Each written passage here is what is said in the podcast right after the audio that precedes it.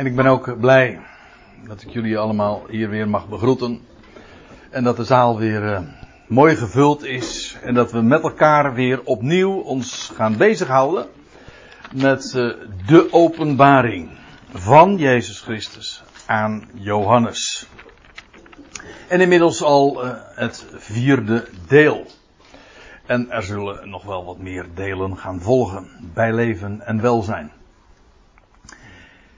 Laten we even lezen wat we de vorige keer hebben behandeld. Ik bedoel met lezen het Bijbelgedeelte wat we toen besproken hebben en dat begon toen bij vers 7 en toen zijn we doorgegaan tot en met vers, wat is het, 15. Nou, als ik het nou gewoon eventjes voorlees, misschien af en toe nog een kleine toelichting, dan kunnen we vervolgens uh, weer de draad oppakken. En dan weten we ook weer eventjes waar we het ook alweer over hadden. Want ja, dat is inmiddels natuurlijk alweer drie weken geleden. Ik lees voor, zoals u weet, uit een wat letterlijke uh, weergave van, uh, van dit boek. Neem waar, staat er aan in vers 7. Hij komt met de wolken. En elk oog zal hem zien. En en die hem doorstaken en alle stammen van het land. En we hebben gezien dat dat eigenlijk drie keer hetzelfde is. Namelijk, elk oog zal hem zien, namelijk van degene die hem doorstaken, namelijk alle stammen van het land. Het gaat hier over het, gebeuren in en met betrekking tot Israël. En alle stammen van het land zullen heftig treuren over hem. Ja, amen. Ik ben de Alpha en de Omega zegt de Heer God. Die is, die was en die komt, de Almachtige.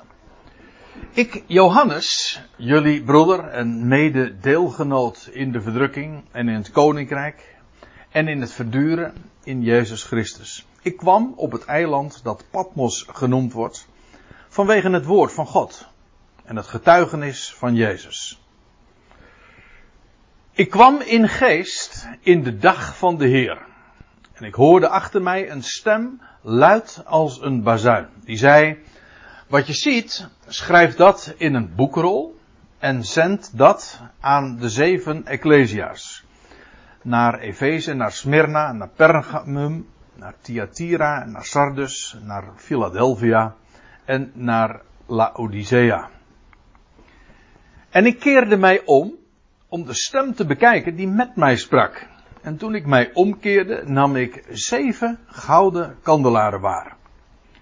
En in het midden van de kandelaren iemand die lijkt op een zoon van een mens. Gekleed in een gewaad tot de voeten reikend en omgord aan de borsten met een gouden gordel. Zijn hoofd nu en de haren waren als witte wol, als sneeuw. En zijn ogen als een vuurvlam. En zijn voeten waren gelijk wit brons, als in een smeltoven gloeiend gemaakt. En zijn stem was als het geluid van vele wateren. Tot zover hebben wij de vorige keer behandeld. En wat Johannes hier aantreft, ziet, is een heel indrukwekkende verschijning van iemand die lijkt op een zoon van een mens. En dat herinnert eigenlijk ook aan een, een van de messiaanse titels die we al uit de Hebreeuwse Bijbel kennen.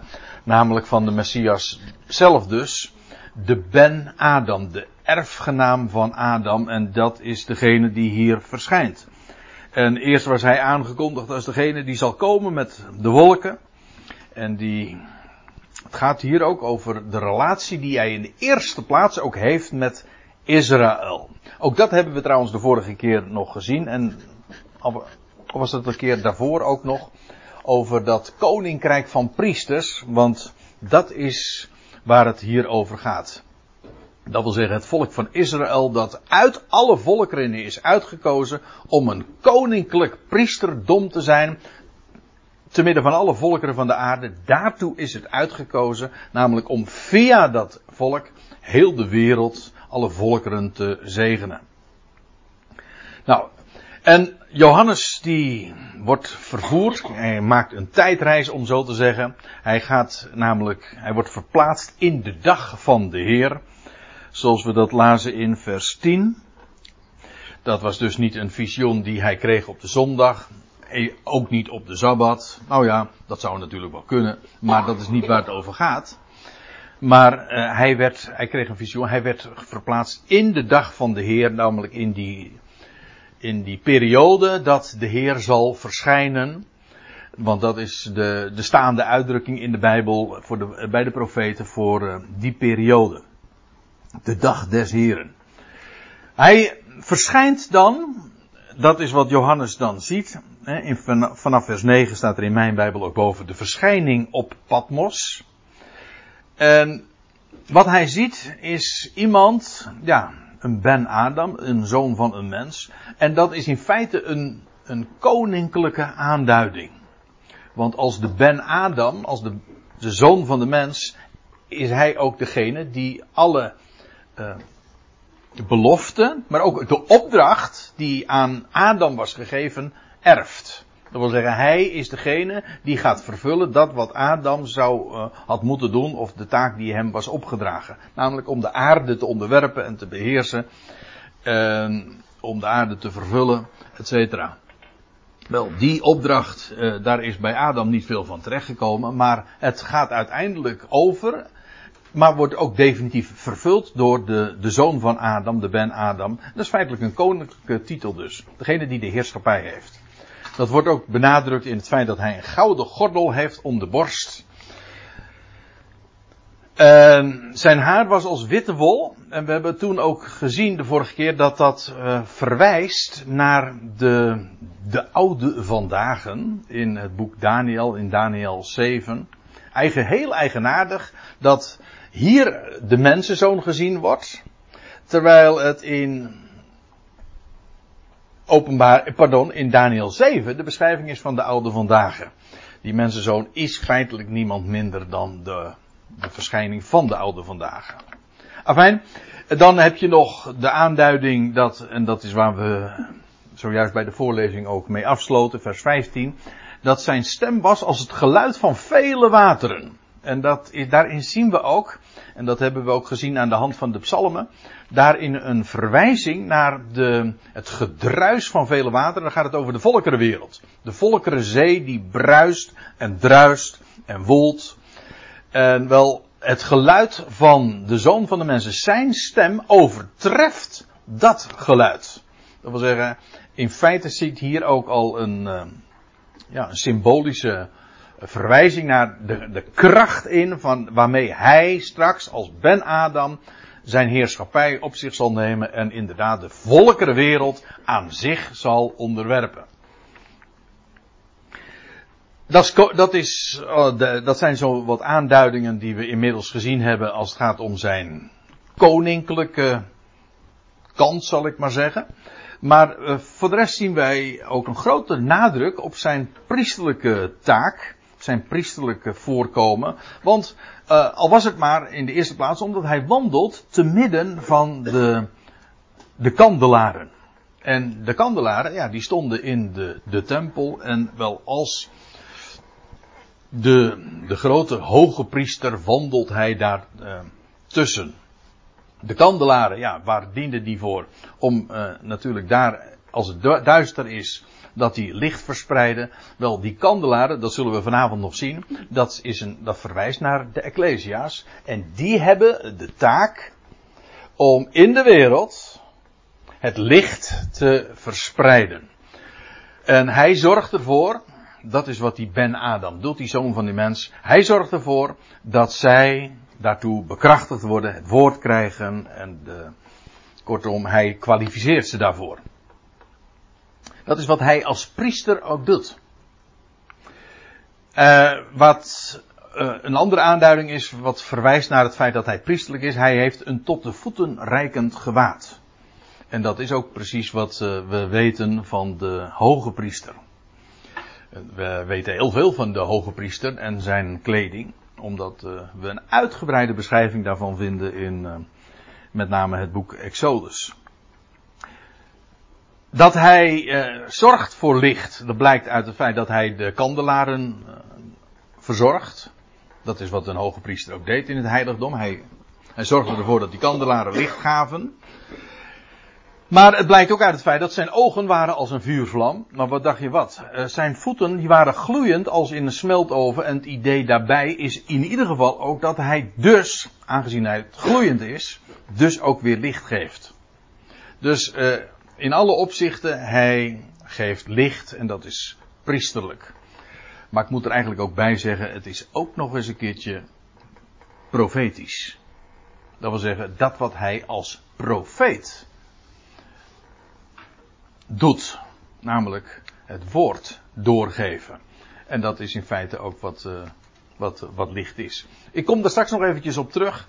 Want wat, we, wat je in feite hier ziet in die verschijning op, op Patmos. Is dat Johannes, de Heer Jezus Christus, zit.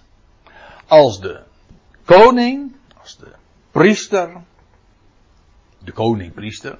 Twee ambten die in onder het oude verbond eigenlijk nooit bij elkaar kwamen. Maar in het nieuwe verbond worden ze verenigd. De koning-priester naar de ordening van Melchizedek. Maar ook als profeet. Degene die het woord draagt en vooral ook uitdraagt. Nou, uh, dat even zo wat uh, samenvattend over, uh, naar aanleiding van wat we de vorige keer ook hebben gezien.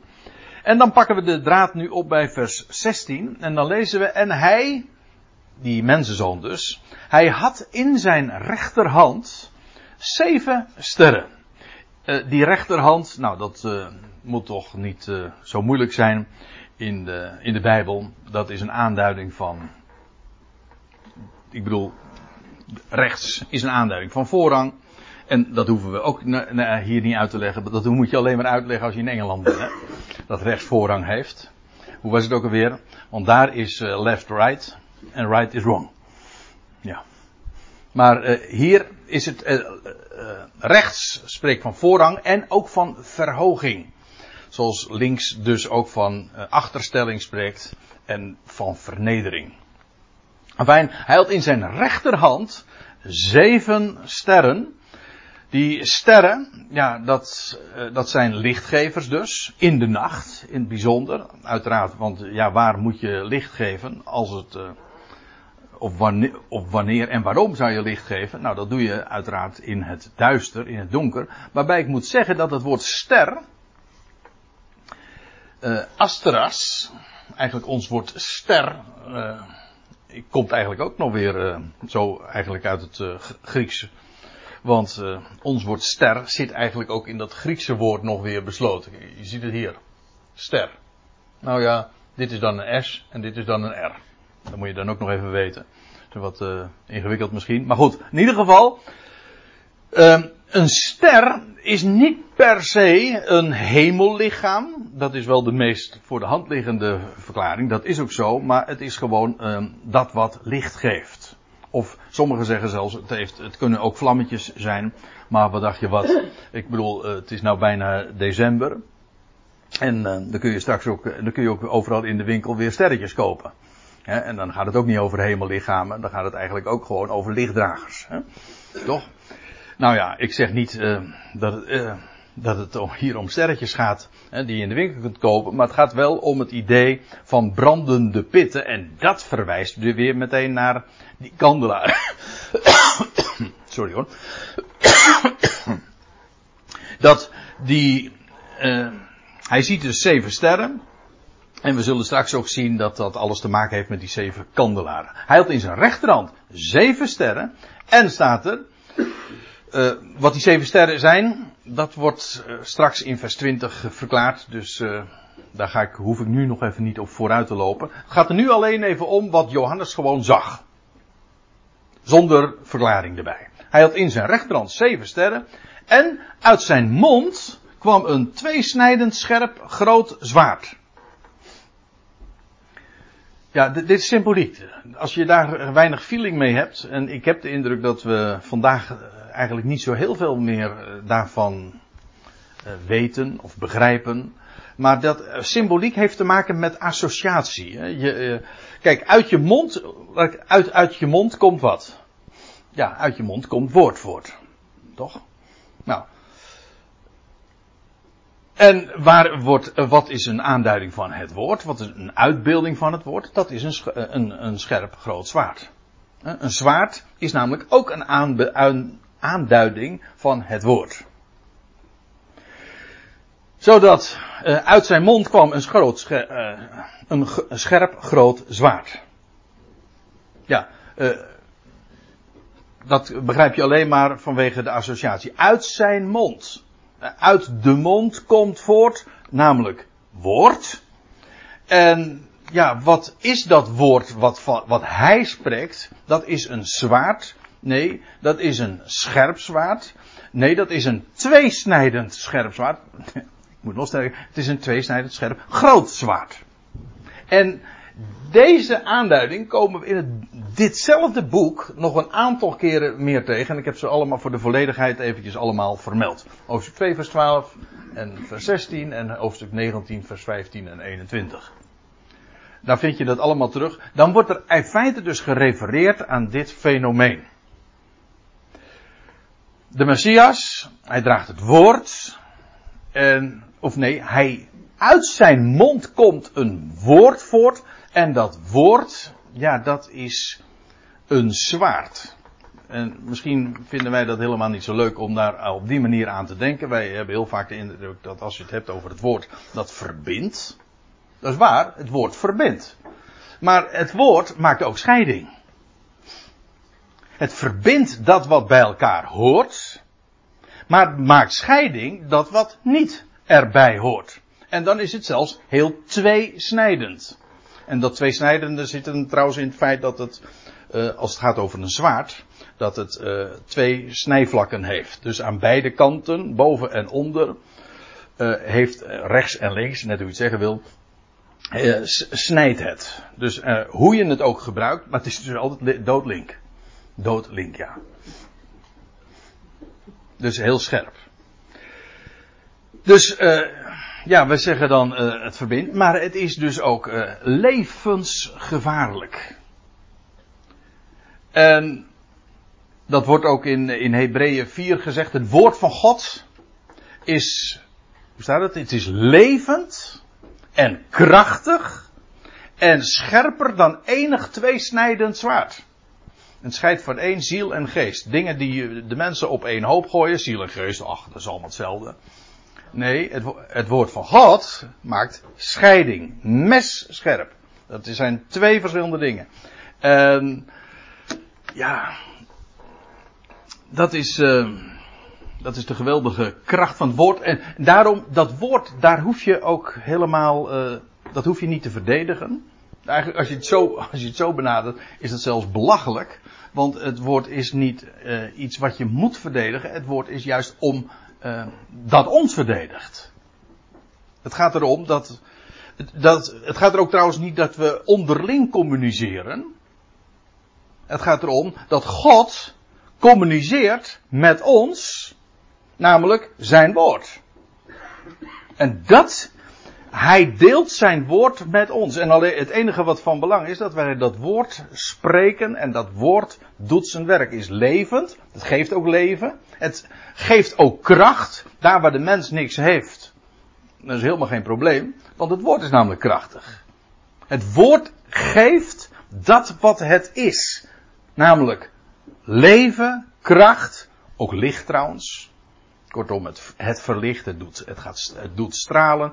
Alles wat een mens wezenlijk, ik bedoel aan de binnenkant, nodig heeft, dat zit allemaal gelegen, is allemaal gelegen in dat woord. En om de dingen te onderscheiden heb je dat woord nodig. Daarom, dat woord hoef je nogmaals niet te verdedigen. Dat woord, dat is, het een, dat is ook wat ons trouwens verbindt. En als het dat niet is, ja, dan heb je dus niks.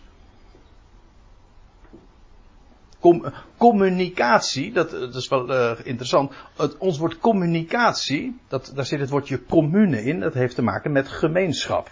Ja, we delen het woord met elkaar. dat hebben we, wat hebben we gemeenschappelijk? Niet onze achtergrond of onze, ja, nou ja, onze interesse, voor zover het het woord is. Maar ik bedoel, wat we delen met elkaar is dat woord. Dat is het enige waar het om gaat. Dat is wat God met ons communiceert.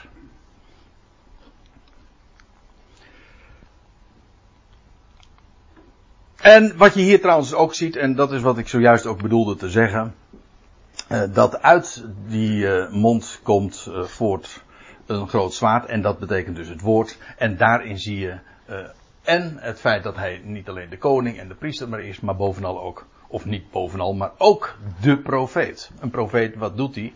Ja, die spreekt het woord. En ook in zijn kracht. Trouwens, uh, we zullen veel later nog zien dat in het boek, uh, in hoofdstuk 19, dat als de Heer Jezus Christus straks ook zal verschijnen aan deze wereld, aan de volkerenwereld, dan gaat hij spreken. Nu zwijgt hij. En straks gaat hij spreken in zijn toren, lees je ook. En dan gaat hij orde op zaken stellen. En dat zal ook een groot zwaard zijn. Groots in zijn hele uitwerking en verschijning. Afijn, dan lees je nog verder in vers 16. En zijn gelaat. Uh, zijn gelaat was zoals de, zon, zoals de zon die schijnt in haar kracht. Je leest van, uh, van Paulus dat hij midden op de dag geroepen werd. En dan de, het licht dat hij zag, dat was. Hoe staat het er? Laat ik het eventjes voorlezen om geen fouten te maken. In Handelingen 26, vers 13, dan staat er. En toen ik onder die omstandigheden naar Damascus reisde met volmacht en opdracht van de overpriester, zag ik, o koning, midden op de dag, dat was dus terwijl de, de zon scheen in haar kracht, uh, midden op de dag, onderweg een licht, schitterender dan de glans der zon, van de hemel mij en hen die met mij reisden omstralen. Nou ja, in ieder geval, het was schitterender, schitterender, ja, dan de glans van de zon. Hier ook dus in haar grootste kracht. Uh, en trouwens, de zon is daar eigenlijk ook een beeld van, van God zelf. Hoe vaak lees je niet over dat hij genoemd wordt de zon? Juist ook in de psalmen.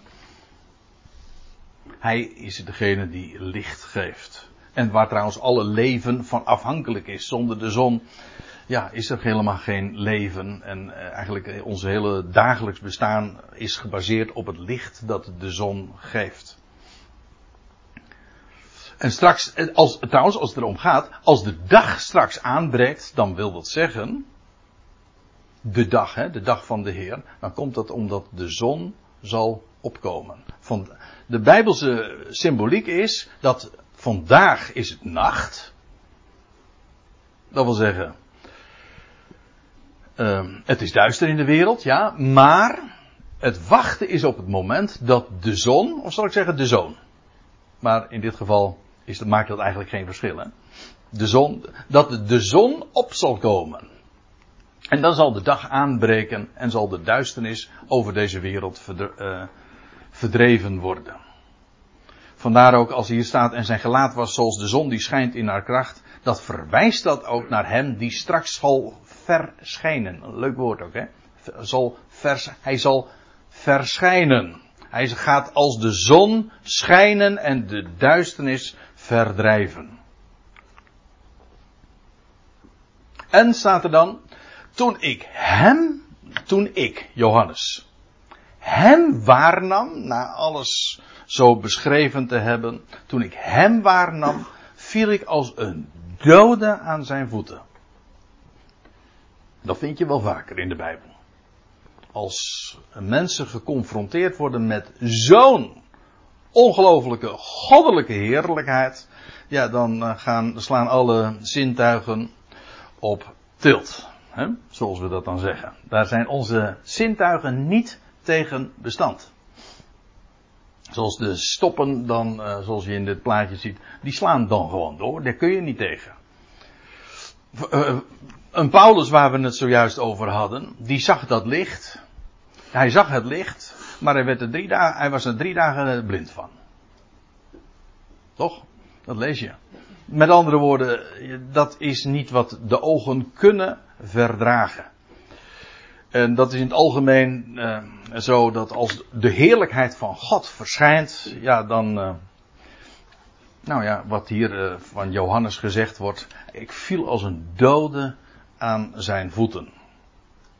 Ik denk ook, ja, moet je je voorstellen. Wij in, met, onze, met onze zintuigen in ons sterfelijk lichaam zijn helemaal niet nog opgewassen tegen zo enorm gewicht van glorie. Om zeg maar daarvoor opgewassen te worden, wel tegen opgewassen te zijn, heb je dus ook gewoon echt een nieuw lichaam nodig. Dat dat verdraagt. Straks om in hemelse heerlijkheid uh, te verkeren en dat alles te, mee te maken, daar heb je ook gewoon een hele vernieuwd lichaam voor nodig met een hele nieuwe functies, uh, nieuwe condities. En dit is, uh, ja, wat is dit? Uh, hè? Ons aardspakkie. Ja, en een, een heel slap aftreksel nog maar. ik spreek wel eens ik zeg wel eens een keer een demo-versie, maar zelfs dat is denk ik nog te, te, zwak uitgedrukt van wat we, wat, wat we straks zullen krijgen. Afijn, toen ik hem waarnam, viel ik als een dood aan zijn voeten en hij legde zijn, weer zijn rechterhand natuurlijk, op mij en hij zei vrees niet. Ook dat eh, is trouwens wat eh, heel dikwijls gezegd wordt als, uh, als zoiets gebeurt. Als goddelijke heerlijkheid in welke hoedanigheid dan ook aan een mens verschijnt, dan is de mens in de eerste plaats volkomen natuurlijk verbouwereerd en nou ja, in dit geval zelfs ik viel als een dood aan zijn voeten. En ja, logischerwijs dat dat eigenlijk ook angst is. Dit, dit, kan, dit kan ik helemaal niet verdragen. En dan de woorden vrees niet. Wees niet bang. Ik ben de eerste en de laatste. Ook hier klinkt trouwens de, weer het, de woorden van de Hebreeuwse Bijbel in door. Want in het boek Jezaja vinden we nou, in ieder geval twee keer. Nee, ja, ik geloof niet, ook niet meer. Maar in Jezaja vind je twee keer dat God zichzelf zo ook aanduidt. Als ik ben de eerste en de laatste. Ja, logischerwijs. De dingen zijn begonnen bij God. Hij is dus de eerste. Alles heeft een begin. En wie is het? Hij, God heeft geen begin. Hij is het begin. Hij staat ook buiten ruimte en tijd. Sterker nog, ruimte en tijd zijn door hem voortgebracht. Hij schiep hemel en aarde en daarmee ook uh, alles wat daarmee verband had. Bijvoorbeeld het hele tijdsproces. God staat aan het begin en alles begon bij hem, maar alles eindigt ook weer in hem. Alles is uit hem, maar ook weer tot in hem. Dus hij is met recht de eerste en hij is ook de laatste. Opmerkelijk is dat hier in het boek De Openbaring, maar we zullen er nog een aantal keren meer tegenkomen. In, uh, ja, hier dus, en in hoofdstuk 2, vers 8 en hoofdstuk 22, waar het boek dan ook mee afsluit, is het, een, is het uh, zoals de zoon zichzelf voorstelt. En sommige mensen hebben gezegd, zie je wel, dat de zoon, de zoon is eigenlijk dus daarmee identiek aan, de, aan God zelf. Dan kun je verkeerde conclusies uittrekken. We hadden het uh, voor de pauze, of voordat we begonnen eventjes erover. Maar uh, in ieder geval betekent dat hij, de zoon spreekt namens de vader. Ik bedoel, alle dingen zijn uit het woord geworden. Toch? God schiep de dingen. Hij is dus de eerste. Maar hoe, hoe schiep hij de dingen? Door zijn woord. Hij, hij sprak en het was er. Maar dat woord waarmee hij sprak, begrijp je trouwens dus dat ook de hele schepping voortgekomen is en een uitdrukking is van zijn woord.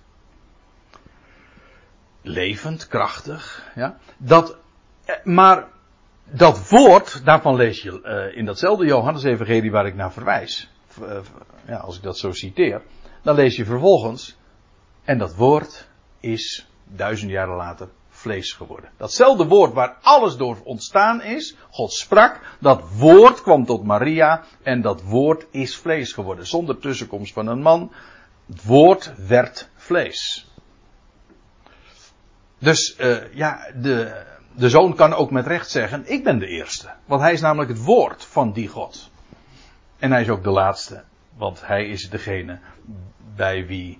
Uh, in, en in wie uh, alles ook zal eindigen. Hij is degene die alles aan zich onderwerpt. En als alles aan hem onderworpen is. En ook de dood teniet gedaan is. En alles wat dood was tot leven geroepen zal zijn. Ja, dan, dan geeft hij het koninkrijk als laatste over aan zijn God en Vader.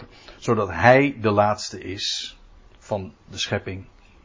En hij geeft het over aan zijn God en Vader. Dus uh, beide aanduidingen, de, of de eerste en de laatste, het is op, uh, van toepassing op God en daarmee op de zoon die namens God spreekt.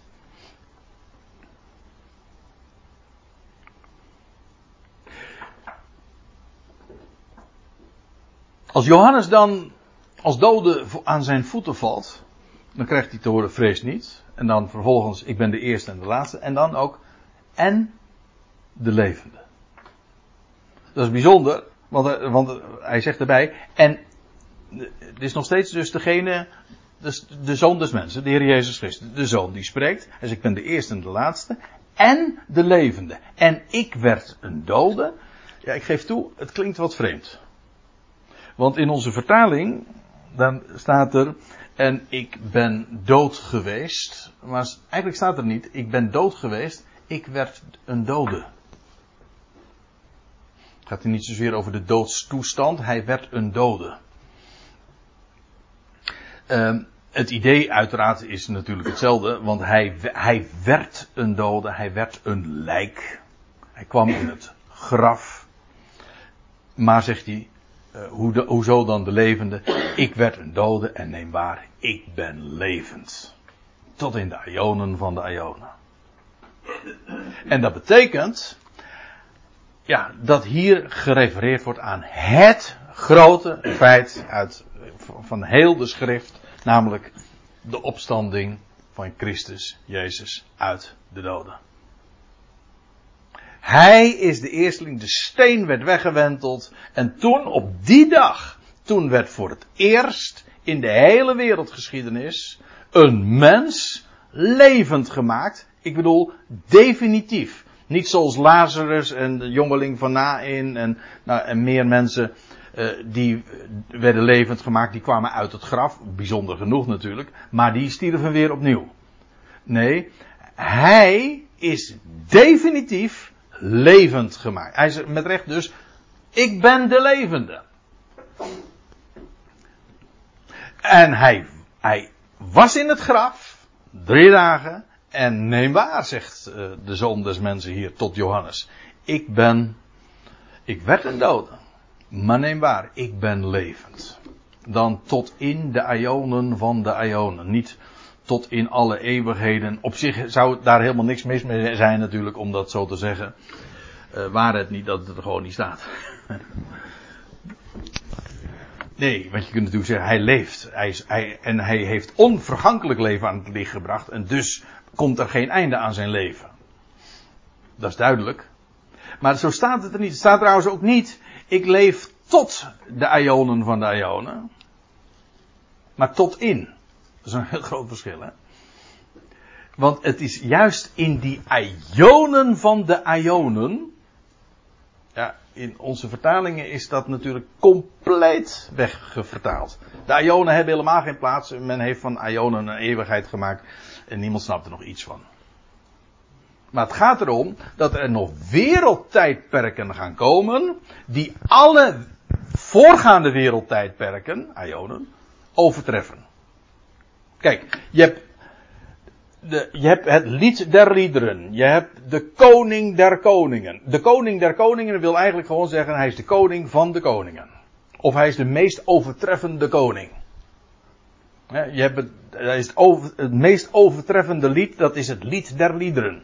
Of het heilige der heiligen, het meest heilige. En trouwens, we kennen het in het Nederlands ook, want dan zeggen we de, bijvoorbeeld, dan spreken we over de tocht der tochten. En daarmee bedoelen we de Elfstedentocht, ja.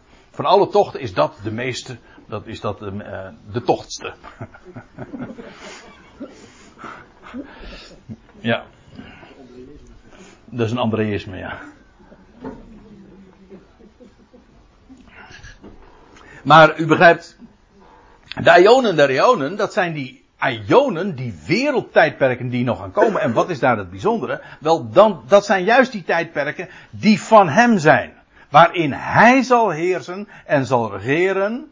En hij zal heersen totdat hij eh, zelfs de laatste vijand niet gedaan zal hebben. En dan is trouwens zijn heerschappij ook voorbij. Hij moet heersen tot in de Ionen van de Ionen. Ook dan vind je exact dezelfde uitdrukking. Hier is de gedachte, ik leef tot in die ionen van de ionen. Denk, ga nou niet de conclusie eruit trekken van, oh dat betekent dus dat hij na de ionen, of na de ionen van de ionen niet meer leeft. Dat A, dat staat er niet. En B, je, je projecteert, je trekt dan een conclusie uit iets wat er helemaal niet in staat. Hij leeft tot in de ionen van de ionen. En eh, wat daarna is, is domweg hier niet het onderwerp. Ja, ik, ik, benadruk dat nu even omdat ik dat nog eens een keertje als conclusie. Uh, als, als, ik, als ik bijvoorbeeld naar voren breng van de ionen van de ionen, dat zijn die wereldtijdperken die een begin hebben, maar ook een einde hebben. Dan zeggen ze, oh, maar dat betekent dus dat als hij, als er staat, ik leef tot in de ionen van de ionen, dat hij daarna dus niet meer leeft. Ik vind gewoon naar de termen, in, in termen van logica, is dat uh, gewoon vals. Een valse conclusie. Dat is gewoon niet wat er staat. Dan haal je er iets uit wat er niet in zit.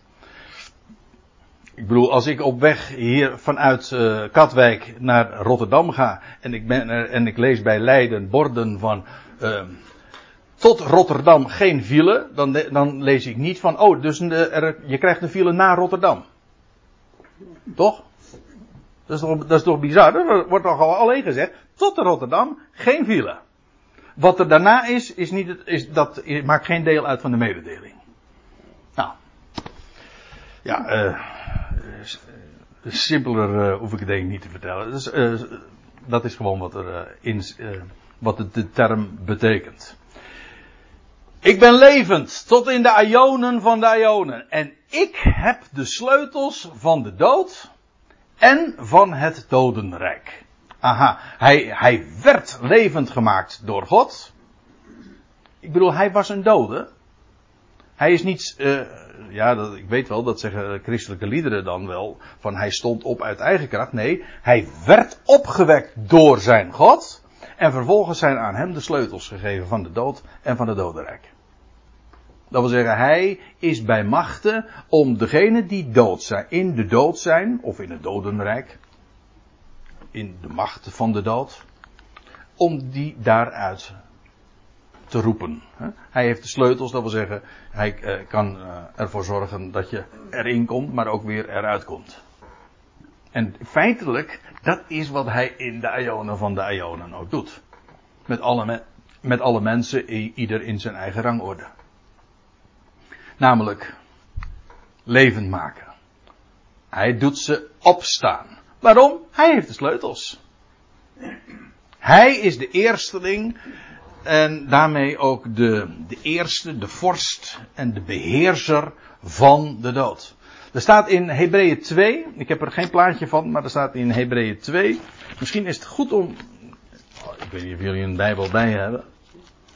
Ik mag aannemen van wel, maar ik weet dat dat in de praktijk uh, niet altijd zo is. Uh, in Hebreeën 2, daar staat nog dit. Ik, ik, ik, wijs er eventjes op, omdat ik er juist eergisteren nog een, een, mailtje over kreeg. Dan wordt er namelijk gezegd in onze vertaling in Hebreeën 2 vers 14. Ik lees even voor, daar nu de kinderen, aan, de kinderen van Israël aan bloed en vlees deel hebben, heeft hij, ook hij, op gelijke wijze daaraan deel gekregen. Dat wil zeggen, ook de zoon, de Messias is ook een mens van vlees en bloed geweest. Opdat hij door zijn dood hem die de macht over de dood had, de duivel zou onttronen. Staat er in onze verdaling. Maar dat is niet wat de tekst zegt. Kijk je in de grondtekst, en als je een goede vertaling hebt, staat er hier ook niet uh, dat hij uh, hem die de macht over de dood had, de duivel zou onttronen, maar die de macht van de dood had, zou onttronen. De duivel heeft niet de macht over de dood. Hij heeft de macht van de dood. Weet u wat dat betekent? Wat het grote verschil is? Iemand die de macht van de dood heeft, die kan doodmaken. Dat is wat hij doet. Hij is ook een mensenmoordenaar. Weet je wat? Iemand die de macht over de dood heeft, weet je wat die kan? Die kan levend maken. Die is sterker namelijk dan de dood. De duivel heeft slechts de macht van de dood. En de Heer Jezus Christus is door zijn dood, dat wil zeggen door de dood heen, dat wil zeggen, ja, moet je gewoon heel letterlijk nemen, door de dood heen, hij ging erin en hij kwam er weer uit. En nu hij eruit gekomen is, heeft hij de macht over de dood. Hij is sterker dan de dood. Hij triomfeert over de dood. En degene die de macht van de dood heeft, had, die heeft hij ontroond. Ja, dat is toch logisch? Degene, degene die de, macht van de dood had, die had ervoor, heeft ervoor gezorgd, menselijke wijs gesproken, dat hij stierf. Maar nu heeft hij, is hij uit de dood opgestaan en nu triomfeert hij over de dood. Ja, en heeft hij dus degene die, over, die de macht van de dood had, te kijk gezet. Want hij is sterker gebleken dan hem. Toch? Nou, in ieder geval, hij heeft de sleutels van de dood en het dodenrijk. Schrijf dan, ik, uh, we lezen verder in vers 19. Schrijf dan, wordt er tegen Johannes gezegd, door deze, door de zoon des mensen, door de Ben Adam. Schrijf dan wat je waarnam, en wat ze zijn, en wat aanstaande is te geschieden. Namelijk na deze dingen. Johannes moet gaan schrijven. En wat moet hij op gaan schrijven? Dat wat hij waarnam. En wat had hij waargenomen? Nou, wat hij tot dusver uh, beschreven heeft, namelijk. Namelijk de verschijning van die zoon van de mens en hoe die eruit zag. Maar dat niet alleen. Hij moest niet alleen beschrijven wat hij waarnam, maar ook wat zij zijn. Als je een NBG-vertaling hebt, trouwens, de Statenvertaling weet ik even niet uit mijn hoofd. Hoe staat het in de openbaring 1 vers 19 in de Statenvertaling? Wie kan mij helpen? Ja, en daarvoor? Schrijf dan wat je. Hetgeen is. Ja, oké, dus hetzelfde als in de MBG-vertaling. Hetgeen is. Uh, men, dus, dus in de uitleg zegt men dan heel dikwijls, ja, Johannes nam iets waar. Namelijk de verschijning van de zoon des mensen. En vervolgens moest hij beschrijven hetgeen is. En dat is de tegenwoordige periode. En dan vervolgens wat daarna gaat gebeuren. Maar dat is niet wat hier, uh, hier staat. Johannes moest optekenen, opschrijven wat hij waarnam. En wat zij zijn. Weet je wat dat betekent? Dat hij op zou tekenen wat de betekenis daarvan is. Wat zij zijn, wat het betekent. We zullen dat trouwens straks ook gewoon zien in vers 20. Want hij had bijvoorbeeld de zon des mensen gezien met die sterren en die kandelaren. Maar ja, wat is dat dan? Wat betekent dat? Het is een, is een beeld van, oké, maar wat betekent het dan? Nou, dat, zou die, dat wordt dan in vers 20 uh, ook uh, verteld. En Johannes heeft ook dat opgetekend. Schrijf dan wat je waarnam en wat zij zijn. Dat wil zeggen wat het betekent. Johannes doet dat eigenlijk in dit boek voortdurend. En ik wil een, een paar voorbeelden daarvan geven. In hoofdstuk 4, vers 5. Daar lees je dat hij ziet, want we weten allemaal, het boek Openbaring wemelt van de, uh, van visionaire taal, van beeldspraak ook. Maar het wordt dikwijls in het boek zelf al ook meteen verklaard en uitgelegd wat het is. Dan staat er bijvoorbeeld in hoofdstuk 4 vers 5. En ik zag zeven vurige fakkels branden voor de troon. En dan staat erbij, dit zijn de zeven geesten gods. Aha, weten we meteen wat die, die, hij zag vurige fakkels. Maar wat betekent dan? Nou, dat zijn die zeven geesten gods. Waar we het trouwens ook al over gehad hebben. Namelijk dat zijn die zeven engelen. Afijn, uh, het gaat eventjes om die woorden die hier vet gedrukt zijn. Dit zijn. In hoofdstuk 5 vers 8 lees je over gouden schalen vol ruikwerk. Uh, Oké, dat zag hij. En dan staat erbij, dit zijn, dat wil zeggen, dat betekent de gebeden van de heiligen. Aha. dan weten we dus wat die beeldspraak inhoudt. In hoofdstuk 17, dan lees je dat hij zag, uh, u weet wel, die, ja, die draak, want dat is uh, wat je, hoe je een beest noemt, als, die, uh, als er sprake is van verschillende koppen, nietwaar? Ik wou haast zeggen, als je leest over meerhoofdige leiding, dan praat je ook over een, oei, is, is dat tricky wat ik nu zeg? Dan is het ook vaak een draak. Eh, op, op, het moment dat, dat een lichaam meer hoofden heeft, dan uh, spreekt de Bijbel, dan heet dat een draak. Dat is zelfs de definitie van een draak. Uh, hij zag dat beest en er staat er zeven koppen en er staat erbij, ja, wat zijn die zeven koppen dan? Nou, dat zijn zeven bergen waarop de vrouw gezeten is. Daar houdt de uitleg trouwens nog niet bij stil, maar, of bij op, maar in ieder geval, dat zijn zeven bergen. Aha. Trouwens, en van die vrouw wordt er dan gezegd, in datzelfde hoofdstuk. En die vrouw, dat is de grote stad. Wil er trouwens nog iets bij zeggen. Als er op deze wijze iets uh, dat geformuleerd wordt, dan betekent dat je eerst de beeldspraak hebt en vervolgens de uitleg. De goddelijke uitleg. Dan moet je dus niet gaan vervolgens uh, die zeven geesten gods ook nog weer gaan uitleggen. Dat is, het ene is de beeldspraak, het ander is de uitleg van God zelf. Uh, die schalen vol reukwerk, dat zijn de gebeden van de heiligen. Aha, dan weten we dus waar het over gaat. Dat heeft dus geen nadere uitleg meer nodig. Die zeven koppen, dat zijn zeven bergen. Aha, dan weet je dus. Het ene is beeldspraak, het ander is dus letterlijk. Ga niet zeggen, ja, die zeven bergen, uh, bergen zijn weer een beeld van dit of dat. Nee, dan, dat, zo werkt het niet. Het ene is de beeldspraak, en het ander legt uit. In openbaar, ik nog een vers. Openbaring 17, vers 12. Daar staat er. En de tien horens die je zag. Want dat beest had zeven, uh, kop, maar het had ook tien horens. En nou, wat, wat is dat dan weer? Nou, de, de tien horens die je zag, dat zijn tien koningen. Ga nou niet zeggen van ja, de tien koningen, dat is ook weer beeldspraak. Nee, het ene is beeldspraak, het andere is de uitleg. Ik zeg dat er eigenlijk ook eventjes bij, omdat ik uh, in een ander verband wordt er heel vaak, uh, dan lees je in, uh, in verband met de tweede dood, dan staat er van die, dat meer van het, dat brand van vuur en zwavel, dan staat erbij, dat is de tweede dood. En dan hebben sommige mensen gezegd, ja maar die tweede dood is eigenlijk, een dood is niet echt dood, letterlijk dood, maar is figuurlijk dood. Ja maar, dan ga je de Bijbelse uitleg vervolgens ook weer uitleggen. Nee, die, die, dat meer van vuur, dat, is, dat staat ergens voor, namelijk dat is de tweede dood. Dat wil zeggen, degene die daarin komen, die sterven voor de tweede keer. Dat is de uitleg.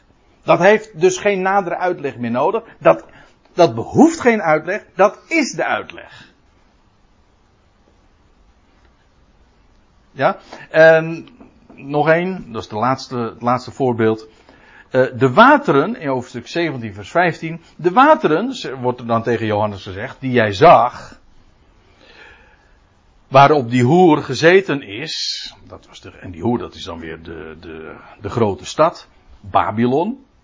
Dat zijn natieën en menigte en volkeren en talen. Aha. Dus hij zag wateren. Maar wat betekent dat? Wel, dat betekent natieën, menigte en volken en talen. Het ene is beeldspraak, het ander is de uitleg. Nou, moeilijker is het niet. Maar dat betekent dus ook dat als je in vers. Wacht even, nou moet ik even weer terug. Uh, als er staat: schrijf dan op wat je waarnam en wat zij zijn. Dan is daarmee gezegd: het een zag je, en daarin is beeldspraak eh, besloten. En het ander, dat is de uitleg. En het geheim staat er dan, vers 20. En het geheim van de zeven sterren, die je waarnam, op mijn rechterhand. Is eigenaar, staat, in de vertalingen staat er in de rechterhand, maar het idee is gewoon op de rechterhand. Het geheim van de zeven sterren die je waarnam op mijn rechterhand, dat, en, en van de zeven gouden kandelaren. Aha. Uh, er behoeft nog iets uitgelegd te worden. Hij, hij had iets waargenomen. Namelijk die zoon des mensen en die, die zeven sterren en die zeven gouden kandelaren. Maar daarin ligt een geheim besloten. Dat wil zeggen, uh, iets wat nog uitgelegd en verteld moet worden. Nou, dat is wat hier in vers 20 gebeurt. Het geheim van die zeven sterren die je waarnam, op mijn, rechter, op mijn rechterhand, ik moet wel goed zeggen natuurlijk. En de zeven gouden kandelaren, nou, daar staat erbij. De zeven sterren, dat zijn zeven boodschappers van de zeven ecclesia's.